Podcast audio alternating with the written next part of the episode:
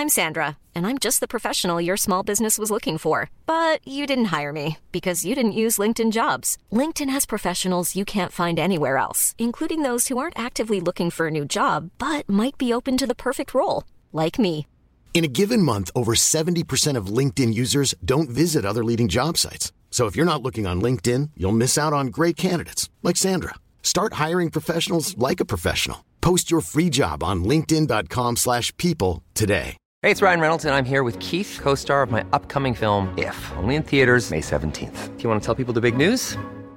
All right, I'll do it. Sign up now and you'll get unlimited for $15 a month in six months of Paramount Plus Essential Plan on us. Mintmobile.com slash switch. Upfront payment of $45 equivalent to $15 per month. Unlimited over 40 gigabytes per month. Face lower speeds. Videos at 480p. Active Mint customers by 531.24 get six months of Paramount Plus Essential Plan. Auto renews after six months. Offer ends May 31st, 2024. Separate Paramount Plus registration required. Terms and conditions apply if rated PG.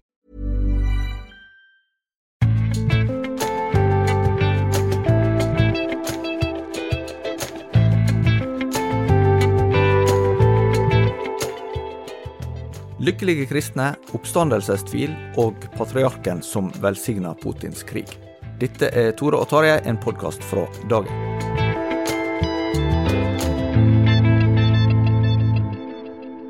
Det var en rik meny. Vi har mye forskjellig å by på, vi kan kanskje starte med å ønske hverandre god påske. God påske. Ja, og det var, litt, det var ikke helt tilfeldig ordvalg, det. Nei, det, det skjer jo nå stadig oftere, syns jeg, at folk eh, sier god påske før påske har begynt. Og så sier vi kanskje vel overstått påske litt tidlig. Ja, og det er jo Nå er vi jo Men hvor lenge varer påsken egentlig? påsketida. Eh, Der er vel en eh, Ja, den varer vel til pinse, jeg kjenner det. ja, for Vi snakket litt om det i, vinter, i ferien altså Jul var til påske, men hvor lenge var påsken? Ja.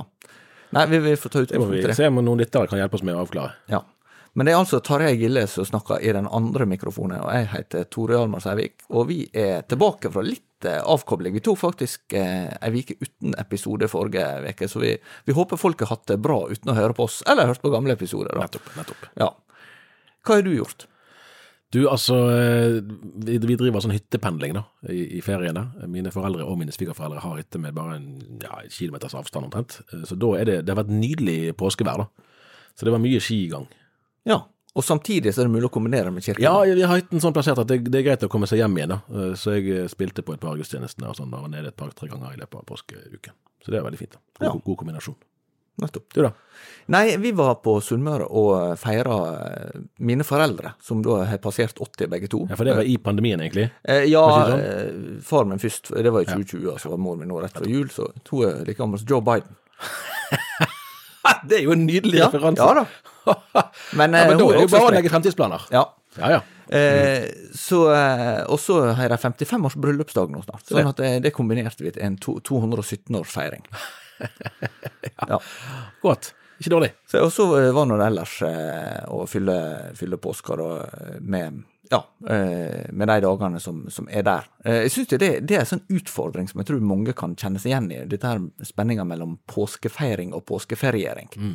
For tidligere så er kanskje en del av innholdet leie mer sånn eh, naturlig i hele samfunnsrytmen, medan den hjelper får en i mindre grad. Det var en sånn snedig eh, eh, kobling der, eller kobling er det jo ikke, det er jo antikobling. Eh, NTB hadde en sak, jeg tror det var på skjærtorsdag, eller så var det onsdagen, eh, om, om eh, de mange nordmenn som drar til Sverige.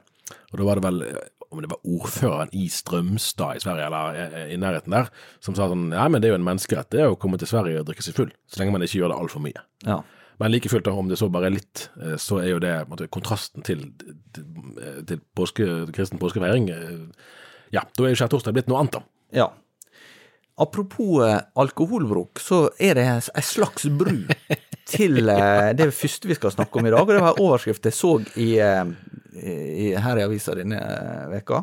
Er du kristen over 55 år og har vært gift lenge, da er du sannsynligvis lykkelig. Så vi er litt for unge til å være ordentlig lykkelige, vi da. Ja, det nærmer seg. Vi er på vei opp, Det kan jeg går si. veien, ja. Jeg, jeg er jo eh, mest eh, vant med denne her eh, lykkekåringa til FN. Der vi Norge har faktisk gått litt nedover de siste åra. Jeg tror vi var på sjuendeplass nå sist. Ja. Men øverst trona Finland. Igjen. Igjen. Og jeg har jo bare så vidt vært i Finland for en god del år siden. Jeg, jeg, jeg må si at det, det overrasker meg litt, for jeg, for jeg, jeg har vel møtt mer euforiske mennesker i flere andre land. Men, så faktisk, det, var, det var jo valg der. Var det på Ja. Palmesøndag? Jeg lurer på om det var det. For jeg faktisk, så Første gang i mitt liv så drev jeg og så litt på Yle, altså NRK i Finland, Ja. sine svenske valgsendinger. Jeg ikke trodde jeg skulle drive og se på, svensk valg, nei, på finsk valgkamp, men det var jo da i forbindelse med at Sanna Marin, den tidligere, eller avtroppende, må jeg vel si, statsminister, eh, er jo blitt en skikkelse eh, som gjorde at det finske valget ble forbundet med mer interesse enn eh, vanligvis. Ja. Eh, det, det er mye som kan, kan bli interessant, bare litt spenning. Men jeg merket meg at de små partienes partiledere, de, de svarte programlederen på svensk, mens de store, de fikk spørsmål på svensk og svarte på finsk. Og da falt jeg av ganske fort. Ja. det kan jeg forstå. Men det var kanskje folk som falt av her også, for jeg lurte på hva hadde dette med alkoholinntak med det vi nå snakker om gjøre? Det er jo det at det er en annen, det er en annen lykkeundersøkelse. Eh, som eh, nå eh, vi refererte til her i eh, avisa, og det er en som, eh, som er gjennomført av Nå skal vi se, jeg hever her. Eh, responsanalyse blant 1790 personer i Norge. Og det viser seg altså da at eh, de som eh, he, eh, altså Vi snakker om det med alder 55 år og stabilt samliv og moderat alkoholinntak, og, og også er da truende kristne. Religiøst aktive, ikke det Ja, religiøst aktive. Og, og det var jo Og bor i Rogaland. Ja, det var òg et fordel. Det var også ja, der bomma vi, da. Og dermed så er vårt case eh, det perfekte, nemlig prost Lars Sigurd Kjelle. Han møtte jeg faktisk første gang i Japan i 2002. Eh, da han var misjonær der borte. Ja, jeg var på så ja. Men vi møtte han jo sammen òg. det gjorde vi også eh, i, på Nærbø. 2019. Eh, Sikkert. Da var vi på 2020, ja. jubileumsturné Ja, ja. for dagen.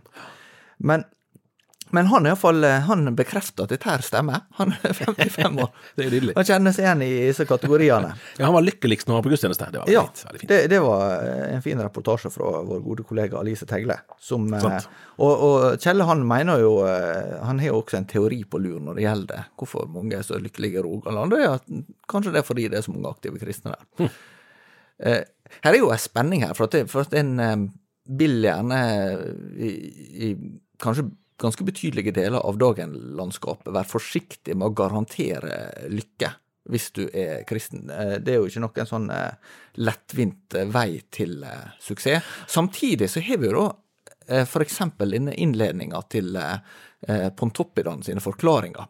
Eh, og, og Det er veldig spør- fint at det er det som er referansen. fra, fra 1700-tallet, som er jo brukt i, i trusopplæring i Norge i Kanskje, flere kanskje på toppen der å få en renessanse på TikTok. Ja, for, for han spør jo da eh, Vil du bli lykkelig på jorden og eh, salig i himmelen. Mm. Og da er jo dette her med, med Hvor mange forklaringer der er? Det er jo Ja. Tre- 300 et eller annet. 70. Ja, sikkert. Vi kan finne ut av det. Men, eh, men i alle fall så, eh, så er det også en slags tanke om at den som lever i pakt med skaperens vilje, da, og, og, og i, det er jo også Kjelle inne på, med det å, å tenke at, at Gud har kontroll, og, Mm. og at den er tilgitt, og at eh, liksom eh, ting er i orden, uten at jeg trenger å Det er også en, en, en eh, kvinnelig psykolog som er, som er intervjua, som er førsteamanuensis på Universitetet i, i Stavanger. Liss Anda Ågotnes, som eh, påpeker at du, som truende så trenger ikke du å finne meninga med tilværelsen sjøl. Jeg så nå omtalt at i Sverige så er det én av fire, jeg vet ikke om det var bare unge menn, eller om det var folk flest som mente at livet deres er meningsløst. Og det vil en ikke si fra et kristent utgangspunkt at livet ditt er meningsløst. Som hvor vanskelig det måtte være, så er ikke det meningsløst. Og så er det jo en litt sånn interessant eh, historisk-kulturell referanser òg. Og da, eh, altså en av de Vi, vi har jo av og til artikkelserier eh, om eh, ymse emner. Og en av de planlagte artikkelseriene vi har hatt her i avisen som, som ble mest mislykket, eh, i en forstand i hvert fall, det var når vi skulle prøve å, å skrive om å, Årets mørkemann. Eller det var vel ikke Årets mørkemann, men poenget Nei, det var en på en serie. Ja, å prøve Ja. å snu på det der. Eh, dagen, ukens, et eller annet. Men Poenget var at det var omtrent ingen som ville stille. For da var jo tanken å, å prøve liksom å, å gå litt inn i det begrepet. Hva er det for noe, hva betyr det, og er det så mørkt eh, i virkeligheten? Eh, men da, da var nok liksom opplevelsen at fordi vi da skulle snakke med kristenledere i ulike, i ulike roller, at, at den assosiasjonen var så negativ at den ville de ikke ha noe med å Ja, gjøre. det, det blir jo litt som uh, tidligere statsminister Kåre Willoch snakker om at spørsmålet er galt stilt. Ja, ja. For eksempel, har du sluttet å slå din kone? Nettopp. Alle svarer gale. Ja. Ja. Eh, og da uh, Altså, for det, der er jo en tydelig kontrast eh, mellom bildet av eh, For det blir jo Antagelsen kan jo være på en måte at, at selve det å være religiøs eh, gir et sånn eh, hengehode. Eh, virkelighetsopplevelse. Og da er jo det å være lykkelig vil jo være en tydelig kontrast til det, og det er jo tydeligvis det svaret denne i hvert fall undersøkelsen gir. Er det sånn som vi burde si mer om altså Er, det, er dette her markedsføring for kristen tro, eller blir det litt sånn lettvint eh? Jeg, jeg hørte, jeg, bare som en slags eh, inngang til det, så, så hørte jeg en podkast i går, amerikansk, med en som har gitt ut en bok om dette her å, å eh, rett og slett innstille seg på at livet er vanskelig, mm. eh, fra et kristent perspektiv, og sier at eh, hvordan måtte lide på en god måte. For, fordi du må være innstilt på at livet kommer til å være kommer til å by på motstand, kommer til å by på lidelse, uansett hvem du er. ja, da, Det å være lykkelig er jo ikke nødvendigvis i motsetning til, til det. Nei. Eh, sånn, virkelig ikke. Det kommer an på hvilke forventninger eh, du har. Eh, ja, nei, men altså det, det vil jeg jo si at man, dette bør vi jo snakke om. Og det spørs jo selvfølgelig hva du, hva du opplever som lykke. da, Hvis det er på en måte nettopp sånn opplevelse av fullstendig fravær av alle mulige bekymringer, hvis det er det som skal til for å være lykkelig, så er det jo Det kan ingen verken kristne eller andre eh, på noen måte garantere. Men hvis det handler mer om opplevelsen av mening, tilhørighet, tilknytning, så, så er jo det absolutt noe som, eh, som vi burde ja, løfte frimodig frem. Ja, og da kan vi naturlig gå videre til neste tema i dag, nemlig trua på Jesu oppstandelse fra de døde. Ja. Den blir jo bekjent i kristne gudstjenester hver eneste søndag. Eh, og um, Det er mitt yndlingsdel av gudstjenesten, tror jeg. Ja, det er jo den store forskjellen, man kan si. Ja. Eh, men så har NRK fått gjennomført en spørreundersøkelse, og den viser at det er 12 eh, av mm. de spurte mm. som sier de tror at Jesus sto opp fra de døde. Og så er det da, eh, skal vi se her, 16% som tror at han sto opp, men at det ikke skjedde fysisk. Hva nå det måtte bety. Ja. Og så er det 14% som sier de vet ikke, men 57 sier nei. Mm. Hvor skal vi begynne her? Godt spørsmål. Egentlig vil jo Hvor mange 12,7 var det som trodde at det hadde skjedd? Ja, en sier liksom én av ti. Da det det blir et ja, rundt Jeg vil nesten ja. si at det egentlig er, er relativt høyt tall, faktisk. Ut, altså, for eksempel ut fra den forutsetningen at det er kanskje en 3% eller noe sånt som går til kirke jevnlig. Eh, for hvis man tror at Jesus sto opp fra de døde, da er jo på en måte gudstroen mer enn at det er et eller annet der ute som er større enn oss sjøl. Ja. Sånn, det er jo mye mer. Det har jo til og med Erna Solberg har jo vært liksom forbilledlig, for så vidt ærlig med å si at uh, akkurat det der er hun usikker på. Ja. Altså Hun kan alltid ha, ha en tilknytning til, til på en måte den kristne kulturhistorien, men selve spørsmålet om Jesus sto på de døde, det er det, er det vanskelige å og i hvert fall å svare entydig ja på. Og Det er ikke noe vanskelig, det er lett å forstå uh, at, at, det, det kan være utfordrende. Ja, altså det, det, er jo noe som er umulig i menneskelig ja. forstand. Ja, og, og, og, det må jeg bare si. At det er ikke blitt noe mer umulig siden den tiden. Nei, nei, det var liksom ikke en utbredt forestilling at etter korsfestelse så skjer det av og til at folk våkner igjen. Eh, for det er jo det er jo en meget brutal og ødeleggende ja, ja. måte å dø på. Og, og eh, alle som hadde mer nærhet til uh, selve det fenomenet, vil jo vite at det, dette her er ikke mye håp om noe mer. Og, og, det er jo litt fascinerende når en leser også Det nye testamentet sine tekster om uh, oppstandelse og de første, altså kvinnene som, mm. som, først forteller om det, så er det tydelig at de blir tatt imot i en sånn blanding av forvirring og vantro fra, fra de som også da, som evangeliet forteller at Jesus hadde varsla disiplene at dette skal skje, og at han skulle stå opp igjen. Men likevel så er det sånn at akkurat sier nei, nei, dette, dette, er jo ikke mulig. Dette er jo mm, ikke mm, mm. Eh, Og, og, det, det syns jeg egentlig er litt sånn tankevekkende. For, for hvis en ikke kjenner tekstene, så er det lett å tenke at dette her var sånn lettlurte fanatikere som ja. bare måtte eh, gi full gass på det de har vært med på. Men, men utgangspunktet her er jo at dette her har vært skrekkelig mislykka.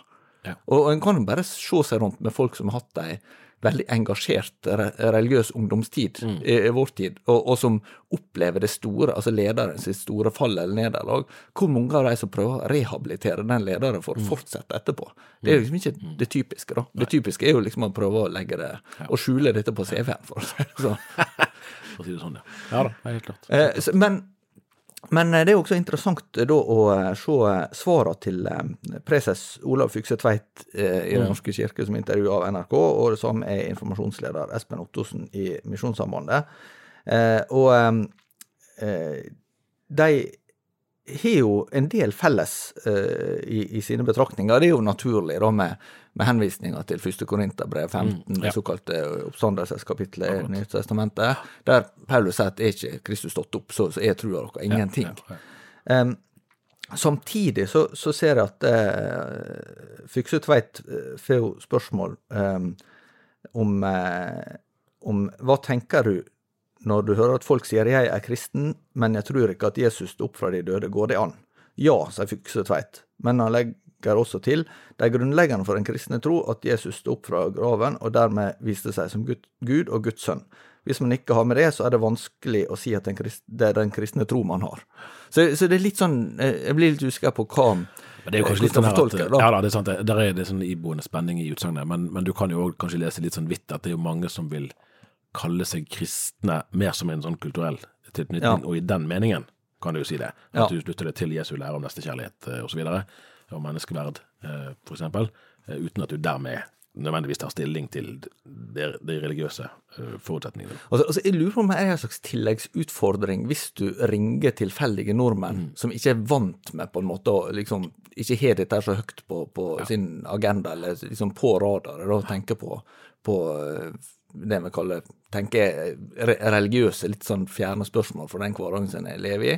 Og hvis du da liksom skal svare ja, nei, veit ikke, eh, så, så, er jo noe med at det er kanskje noe annet enn en refleksjon som gjør seg et livsløpsperspektiv. Mm, mm. Eh, for, for, det handler jo litt om hvor en er mentalt.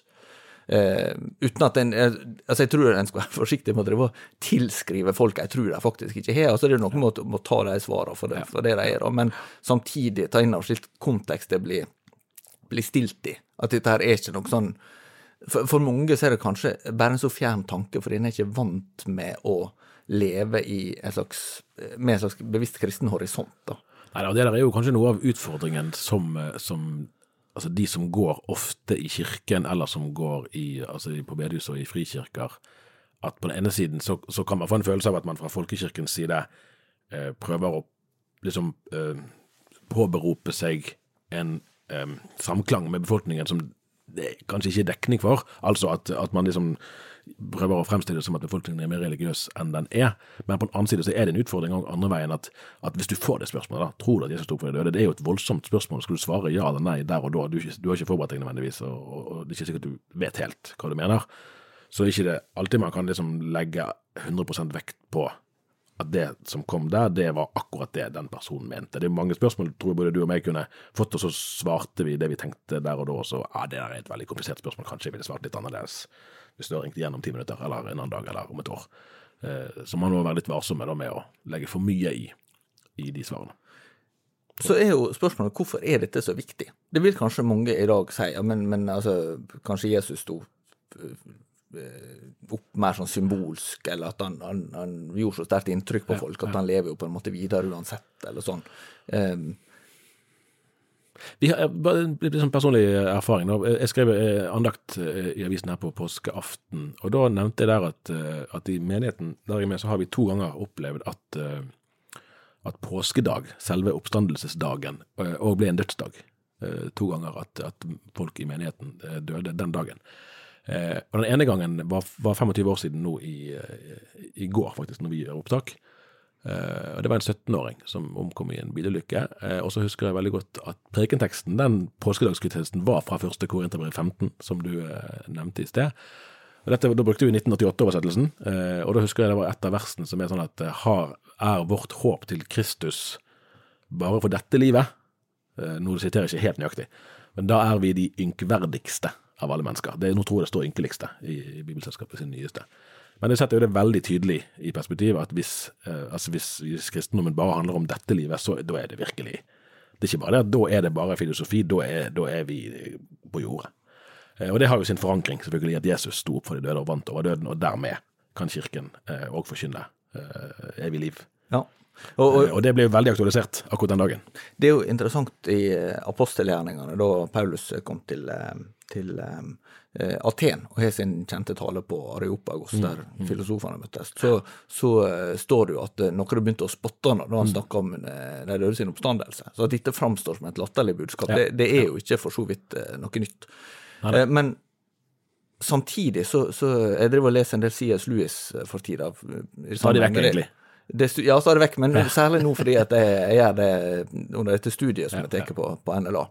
Og, og der eh, påpeker Louis i den ja, Flere av bøkene som er kommet på norsk, da, blant annet den som heter 'Mirakler' på norsk, at eh, forkynnelse i, den, eh, i apostelgjerningene, den har jo oppstandelsen som egentlig hovedbudskap. Altså det å forkynne kristendommen handler i stor grad om å forkynne oppstandelsen. Eh, og, og, det er jo igjen altså Han har en tanke om, om, om det at det grunnleggende er jo mirakel noe som ut fra våre lover er umulig. Mm. Men det handler om at der, der finnes på en måte det er noe annet når det skjer inngripen utenfra, som vi ikke kan forklare. Mm. Ikke? Mm. Og, og, det er jo en av de liksom virkelig utfordrende tinga her med, med å, å ha en forkynnelse som hele tida åpner for at virkeligheten er større enn det vi Ikke bare sånn det finnes mer mellom himmel og jord enn det vi kan forstå, men, men det at Guds virkelighet sprenger våre forestillinger, mm. og samtidig kan møte eller komme inn i vår virkelighet. Ja.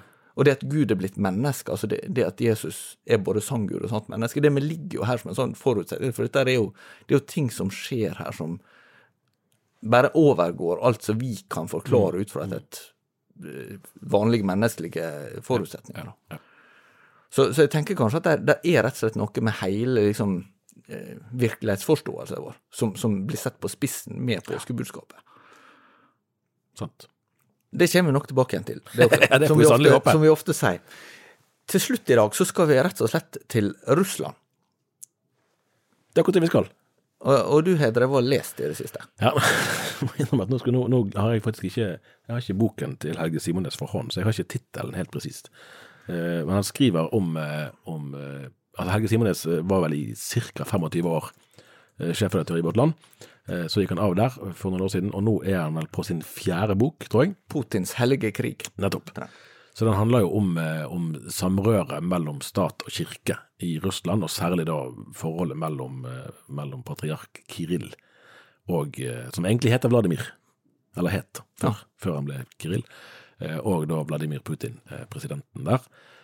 Og den selve tematikken har jo overføringsverdi i Norge, nasjonalromantikk og, og på en måte statskirkeromantikk den har overføringsverdi til, til USA, eh, med Donald Trump særlig, som blir sett på som en sånn redningsmann. Eh, men, men, den blir jo Den får jo noen, noen, utslag her som overgår alt dette med solid margin. Eh, til og med når, når, eh, når Kirill snakker om at de soldatene som tar del i, i denne krigen og ofrer livet sitt for den, de, de får plass i Guds rike. Eh, og, og, det, blir jo helt sånn morbid når vi nå i nyhetene i går hører Heldigvis jeg tror jeg, tror aldri jeg vil se den videoen, men vi hører om det som skal være en ukrainsk krigsfange som er levende, og som får hodet sitt skåret av. Uh, og så vil nok ikke Kirill heller forsvare den handlingen i det hele tatt, men at dette er den krigen som eh, og for, og for seg om den scenen ikke er autentisk, så er det nok andre scener som, som ligner, som, som en kirkeleder som støtter den krigen. Ja, har virkelig plassert seg sjøl i historien, da, og det er ikke på den gode siden. Men hvor kommer dette samvirket ifra? Altså den, den som eh, Altså, jeg har absolutt ikke noe inngående kjennskap til, til uh, ortodoks uh, teologi og, og, og kirkehistorie. Mm. Men, men, en av de tingene som jeg syns har vært interessant, det, det er å, å, høre litt om uh, det såkalte symfonia begrepet, som handler om en slags samklang mellom kirkelig og verdslig makt. Ja, og, og det der er jo, altså for det er derfor, er også, jeg nevnte det innledningsvis med de forskjellige, altså USA og Norge òg, at, at uh, det er noen ting her som er distinkt eh, for Russland og for den ortodokse kirken, på den måten at der den katolske kirken er, altså katolsk betyr jo allmenn universell, og den påberoper seg på å være nettopp det, eh, verdensomspennende, så å si. Eh, mens, mens, i den ortodokse kirkefamilien, for det er jo ikke bare én ortodoks kirke, det er for så vidt flere, Eh, så har jo den nasjonale tilknytningen på en annen måte vært, eh, vært fremtredende. Man har ikke én pave, man har altså flere ledere. Eh, men særlig i Russland da, så, så, så har jo da samspillet mellom den russiske selvforståelsen som spiller tilbake til, til dåpen av Saint, altså hellige Vladimir, da, i 988, var det det? På Krym? Altså det som er, som er eh, omstridt område i dag, ja. eh, som knytter eh, den russiske historien eh, tett sammen med, med på en måte, kristendommens plass eh, i landet. Eh, og Der kirke og stat, kirke og politikk får et nært samvirke. Men så må det jo òg forstås Eh, og det, det tror jeg kanskje er noe som vi kan glemme litt, da. At, at når vi nå eh, ser eh, Putin som snakker om sin egen dåp, det begynte han med eh, i voksen alder, å snakke om den. Sant? Og vi ser hvor han prioriterer kontakten med Kiril Ja, for han ble jo døpt i hemmelighet. av sin bestemor. Ja, ja. Det var jo sånn at Foreldrene var ute en tur, hun skulle være barnevakt, og så snek hun seg inn i kirken og fikk han Ja. døpt. Uh, ja. Så det var jo en egen historie. Eh? Og, og, så han legger veldig vekt på det der, og, og, og betoner kontinuitet med, med, med den kristne historien. Og han en, hadde en veldig sympatisk kondolanse når pave emeritus Benedikt døde eh, noe tidligere i år. Ikke like sympatisk til den kanskje mer moderne pave Frans. Eh? Så han fremstiller seg sjøl i et veldig sånn historisk, tradisjonelt eh, kristent eh, lys. Men vi skal jo ikke mange tiår tilbake før hans forgjengere som presidenter i, i Sovjetunionen var alt annet enn vennlig innstilt til kirken. Ja, det er Skrekkeksempelet er jo Josef Stalin, Nettopp. som i sin tid faktisk var eh, prestestudent, men hoppa jo av. Ja. og eh, var ansvarlig for eh, ganske grusomme utrenskninger på Altså både eh, en forferdelig sultkatastrofe som kosta flere millioner ukrainere livet på, Mm. på 1930, tidlig på 1930-tallet, men også eh, ja, meget brutal behandling av eh, kirkene. Ja, og en systemat, Ikke bare det at det var mange kirkelige blant de andre, men det var en, en jakt på kirkelige ledere. Ja. Sånn at, sånn at den forfølgelsen ligger i minnet. Så det, gjør, det bidrar nok til liksom, at det for, for enhver, tror jeg, leder i den russisk-ortodokse kirken, at det å gå i åpen konfrontasjon med makthaveren, det vil sitte langt inne, fordi man husker eh, hvor man har vært. Eh, men det setter jo òg Putin sin, sin snuoperasjon der i et eh, interessant lys. Da, hva er det som gjør, altså, for da har jo, han må jo åpenbart ha vurdert at det er klangbunn for denne endringen i befolkningen. At han ville kunne gjøre dette og, og kanskje eh, styrke sin legitimitet heller enn å, enn å tape den. Det er for så vidt interessant. Han Hans Wilhelm Steinfeld, den mangeårige NRK-korrespondenten, han skrev en bok om Putin ett eller to år før krigen begynte. og Der skriver han at, eh, at kommunistpartiet eh, har aldri hatt flere medlemmer enn kirken. Selv ikke i sovjettiden. Eh, sånn sånn at den, Det russiske folkets tilknytning til kirken, altså selve kirkedeltakelsen, er å sammenligne med den i Norge. De fleste russere Ja. går, ikke i kirken ofte, men tilknytningen eh, virker likevel å være sterkere, og at den har holdt seg da, gjennom ekstremt vanskelige tiår eh, bak oss. Ja. Og Putin har jo nå eh, også gjort eh, bruk av ikke, ikke bare at han sympatiserer med kirka, men også Han går vel med et kors? Sånn, eh, armer. Ja, han har et, og det, og det har ja. overlevd om det var en brann eller hva det er for noe, så det er sånn Ja, og, og er også blitt avfotografert under rituelle bad, og, Ja, ja. og, vært på Ja tur i Israel, og, forskjellige ting som Og han har jo altså han, han bruker jo nå altså igjen, den russiske kristne historie sant, som et sånn bolverk mot vestlig forfall, og bruker liksom de Det var en, en, av forskerne som Helge Simones siterer, som, som beskriver det som at han bruker de mest outrerte uh, uttrykkene for vestlig, det som han kaller forfall, og som nok mange eh, kristne i Norge vil kunne kjenne, kjenne seg igjen i, uh, som, som eh, på uttrykk for en usunn uh, utvikling. Eh, at det blir liksom referansen ja, se, se hvor galt det er i Vesten, det er Russland som er nå det eneste håpet eh, for å opprettholde et sunt eh, verdisyn. Men samtidig for eksempel, så har han ikke, han har ikke gjort noe for altså, Han har ikke gått til kamp mot de høye aborttallene for eksempel i Russland. Eh, sånn at det er en eh, ja, det er ikke helt godt å vite hva er hva, da, i hvilken grad er det han sjøl som har en personlig eh, et ønske om, om, å, om å fremme kristne verdier, og i hvilken grad spiller han på strengere befolkningen som kan styrke hans stilling som makthaver. Det er jo kanskje en vekselvirkning, da. Ja. Jeg intervjua en eh, norsk-tysk forsker. Nå må jeg bare skyte inn at du er faktisk referert ikke mindre enn tror jeg syv ganger i boken, da. Du. Eh, Så det er fint. Ja, men det er jo fordi jeg intervjuer andre Ja, som greier på dette, ikke fordi jeg er noen autoritet sjøl. Men det, er du bare skyte inn det òg, at, at han skal ha ros for det Simones, at han skriver at han er verken ekspert på Russland eller på den ortodokse kirken i og for seg, men han opptrer som journalist her. At han undersøker, setter seg inn i ting. Eh, og, og, og da er jo journalistikken er umiddelbar. Ser, man, vi ser det vi ser her og nå, og det kan vi legge frem. Og så er det andre som må gå dypere i materien og få belyst flere nyanser, men man kan tegne et øyeblikksbilde. og Det syns jeg han gjør på en veldig god måte. Altså. Ja, og, og den, en av disse intervjuene som, som Simen har siterte, det er Sebastian Rimestad, som jeg vet ikke om han er ved universitetet i Lübeck eller et eller annet sånt, men, men han iallfall Eller var han i Erfurt? Men eh, uansett så han, så han eh, jobba med eh, ortodoks kirkeliv i, i mange år, og han sa det rett ut av intervjuene, at, at Kirill er jo en KGB-mann. Ja, Eh, der, og der er Simones litt forsiktig. Han antyder det samme. Det finnes visst en, en agent fra gamle KGB. Altså Dette var jo i sovjettiden der det var langt fra alle som fikk lov til å reise utenlands. Men Kiril fikk det. Han var en slags utenriksminister i kirken. eh, og at hans reisemønster sammenfaller med reisemønsteret til denne agenten, så kan det være samme person. Men det vet vi ikke, og det er flere andre spørsmål om KGB-tilknytning, men det er, det er ikke avdekket helt. da, så der, der, eh, som, som en god journalist så vil ikke Simones eh, påberope seg mer kunnskap enn man kan godt gjøre. Nei, det er jo noe som journalister tidvis Ta, tidvis blir ta forbehold, det er et av de viktigste pressefaglige rådene man kan gi. og som en blir anklaga for ikke å Eh, gjøre. nettopp. Noen ganger fortjent også, sikkert. Ja. Eh, nå tror jeg vi nærmer oss landing, men jeg vil bare oppklare dette med antall spørsmål fra Pontoppidan. til, til slutt. Det er herlig. Dette er Boka er- merverdi for å si det sånn. For de som har hengt med oss helt fra starten, så heter altså boka 'Sannhet til gudfryktighet' Ja. på folkemunne.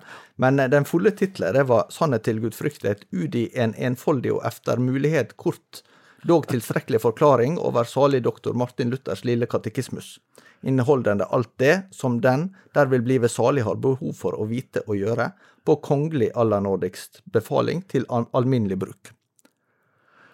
Ja, Eh, det, den Luthers lille katekisme er vel en del kortere.